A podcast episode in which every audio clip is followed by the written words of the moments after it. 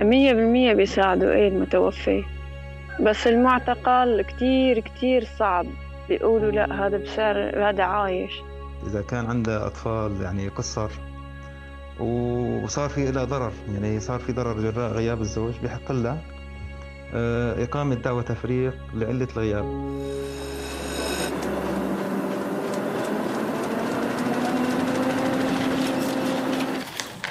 عنب بلدي بودكاست. بسوريا لما بيعتقل النظام رجل زوجته بتحسه كأنه اعتقلوها معه. بيوقف الزمن وبتنتهي الحياة وبتنظر نفسها للانتظار. تنتظر شيء مجهول مفقود خاصة لما بينفقد الزوج وبتختفي كل أخباره.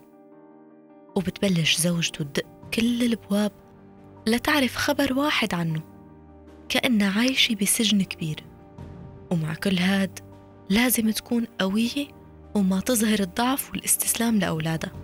بتصير معلقة بحبال الأمل إنه يرجع. أو على الأقل تعرف إنه مات وتتأكد من هالشي. هذا غير ضغط المجتمع عليها من عدة جوانب. حسب إحصائية لفريق منسقو استجابة سوريا عدد النساء يلي فقدوا أزواجهم بشمال سوريا تقريبا 45172 امرأة. وقصة هالة وهو اسم مستعار لضيفتنا اليوم لأنها طلبت ما تظهر شخصيتها بسبب ظروفها الاجتماعية. هي قصة من هالقصص. بالبداية اعتقال زوجها لابتزاز المحامين والناس اللي بيدعوا معرفتهم بمكان زوجها ومصيره بس ليحصلوا على مبلغ من المال بدون ما يوصلوا ولا شيء. وكتير تفاصيل تاني شو صار مع هالة؟ وكيف عم تمضى حياتها بالانتظار؟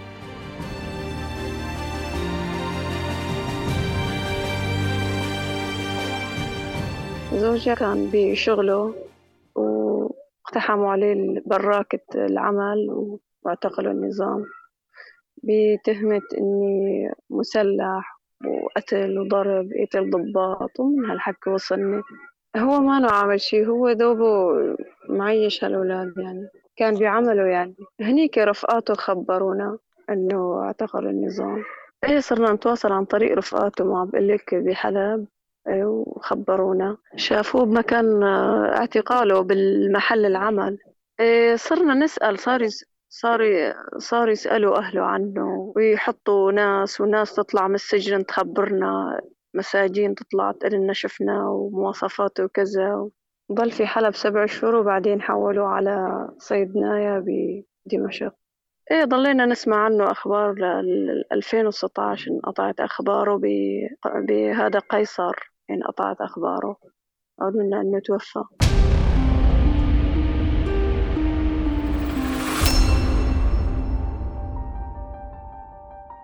هالة فجأة لقيت حالها مسؤولة وحدة عن الأطفال. ما فيها تغفل عنهم ولا ثاني ولا تحسسهم بغياب أبوهم. هالة مقررة ما تتزوج مرة تانية بس حتى لو بدها الموضوع صعب. وماديا ما في حدا يساعدها. ليش؟ لأنه كل اللي حواليها معتبرين زوجها مو متوفي. وبعض المنظمات بتتغافل عن تقديم المساعدة للنساء اللي حالتهم مثلها صح زوجها معتقل ومختفي وممكن يكون مات تحت التعذيب مثل ما قالوا لبعض الناس. بس هو بنظرهم عايش وهي لازم تعيش مع هالفرضية وتستنى الفرج. لا هي أرملة لا هي مطلقة ولا متزوجة. غير صعوبة إيجاد عمل وقلة الفرص.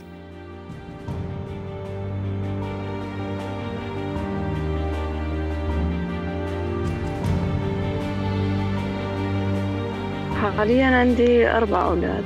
بنتي الأخيرة جبتها باعتقال زوجي يعني كان إلي حامل ثلاثة شهور. إيه باركنا و... وأهله صاروا يعني يسألوا ويدوروا عليه. دفعوا لمحامي واثنين ونصبوا عليهم ويكذبوا وياخذوا المصاري ويكذبوا يقولوا لنا بدنا نطالعه وما يطلع. ردة فعلي كانت صعبة كتير والله كتير مرضت وتعذبت وعلى أثر هالشي صار معي قلب هلأ وضغط. إيه كانوا دائما يأملوني بس وأنا أتأمل وهيك دائما أتعب وأضغط على نفسيتي كتير ومرضت بعدين بالفترة الأخيرة هلأ معي مرض صار بالقلب وضغط. أيوه وعمري مو هالعمر الكبير يعني بس كله من القهر وهم ولاد برقبتي ومسؤولية. ما فكرت أتزوج لأني لهلأ بستفسر وبسأل بس ما ما في نتيجة ما في أمل ولا في خبر ولا عم بقدر أوصل لخبر جديد عنه. حكيت مع محامية وقال لي إن شاء الله بدي أدور لك عليه وإيه ما بين شي. كله حكي والله. إن شاء الله يعني هو يكون عايش نتمنى هالشي. بتمنى أعرف إني عايش أو متوفي. أرحم من إني ضل هيك مجهول.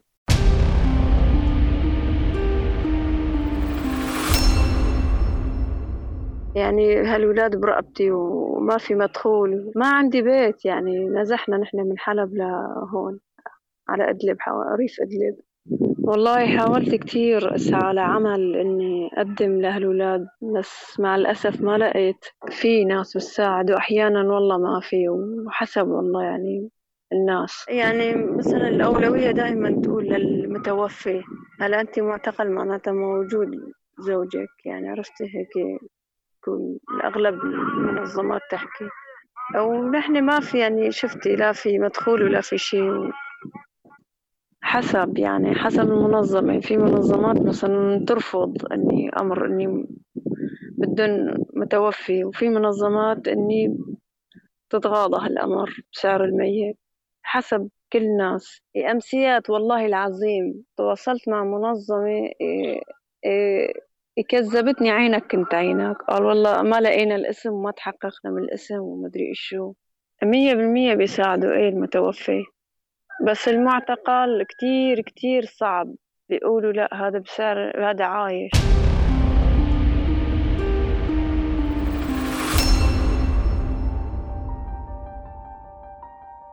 حالة هالة وضعها الاجتماعي بخوف بعض النساء. غير الوضع الصعب اللي عايشته بسبب غياب زوجها انفرضت عليها عزلة اجتماعية بسبب خوف بعض المتزوجات من دخولها لحياتهم. لأنه بنظرهم هي عم تتواصل معهم بس لتخطف أزواجهم هالشي خلى الحياة بالنسبة لهالة أصعب بكتير من قبل.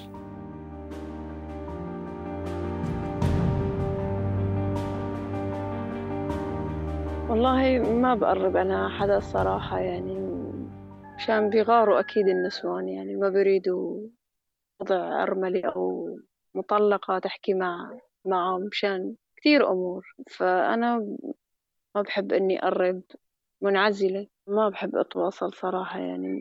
يعني بعرف من حالي كل حرة بتغار على زوجها مع أخواتي مع أهلي. إذا بدي أطلع مشوار مع أخوي أخوي معي مرافقني. وبس يعني. بطلع بيت أهلي أخوتي خواتي أختي. يعني في إذا وضع حرمة مثلي أرملة مطلقة جوزها معتقل بزورة بتزورني. إيه. كوضع المتزوجة نسبة قليلة بزور هون النسبة جدا قليلة وهو بمواعيد رسمية مشان ما يعني ينصدف وجود الزوج بالبيت. هذا أفضل حل.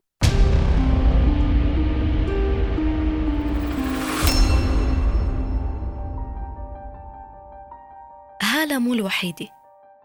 زوجات المعتقلين تقريبا أغلبهم بيعانوا من نفس المشاكل.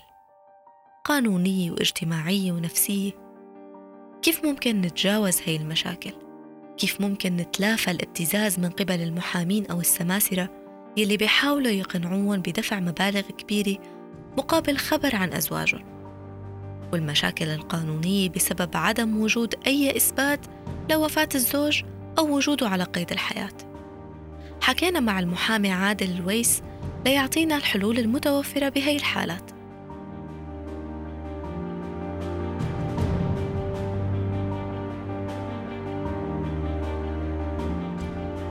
بداية بالنسبة لموضوع المعتقلين ما في عنا مكاتب أو أشخاص معلومين للقيام بهذا العمل. تمام؟ وأغلب الناس اللي بتقوم بهي الأعمال بتكون مواضيع سرية يعني سماسرة بيتقاضوا مبالغ مالية لقاء وعد بعمل معين. وما حد بيصرح بهذا العمل يعني ما حد بيقول إنه أنا بشتغل بهذا الموضوع. لأني ممكن يتعرضوا للتحقيق أو ياخذون للتحقيق لأني هن بدي يتعامل مع ضباط أو ناس موجودين لدى النظام. فممكن يعتقلون بهذا الموضوع بتهمة العمالة أو يعني بصير في ضرر بالنسبة لهم فالأغلب الناس اللي عم تشتغل بهذا الموضوع همهم المصاري يعني أخذ المال. أما بالنسبة للمعتقل يعني الزوج إذا كان عنده أملاك باسمه تمام؟ تستطيع أنه الزوجة تقدم طلب للقاضي الشرعي كرمال وكالة عن غائب أو معتقل تمام؟ بتقدم طلب للقاضي الشرعي وبتجيب بيان عائلي بتثبت هذا الموضوع.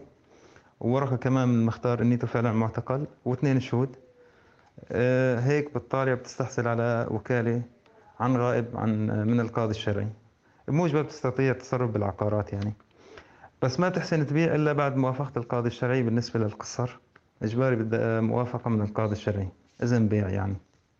أما بالنسبة للأخت إذا كان عندها أطفال يعني قصر وصار في لها ضرر يعني صار في ضرر جراء غياب الزوج بحق لها آه، إقامة دعوة تفريق لعلة الغياب تمام أمام القضاء الشرعي قاضي الأحوال الشخصية وشروط الدعوة أن يكون يعني مضى سنة على الغياب على الأقل وإثبات ذلك من خلال الشهود وورقة من المختار أنيته فعلا كأنه معتقل.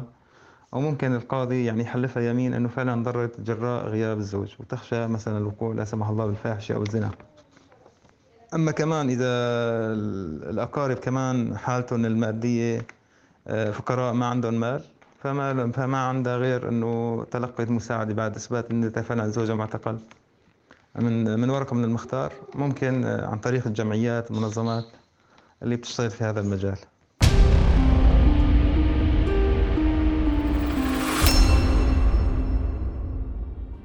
بالنهاية الألم بفقدان شريك الحياة لحاله بكفي والمرأة بهالحالة ما بتكون قادرة تتحمل أعباء زيادة فوق طاقتها وقدرتها على التحمل. لهيك كتير ضروري تكون الجمعيات والمنظمات والقانون والمجتمع والعيلة منصفين ويوقفوا معها مو ضدها لحتى نخفف لو شوي من هالمعاناة.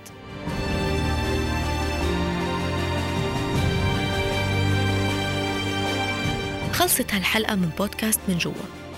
بس لسه في قصص كتير مخباية إذا حابين تسمعوها استنونا بالحلقات الجاي. فيكن تسمعوا الحلقات من خلال موقع عنب بلدي بودكاست أو عبر منصاتنا على Apple Podcast Google Podcast SoundCloud و Stitcher. كنت معكم أنا سكينة المهدي من عنب بلدي بودكاست.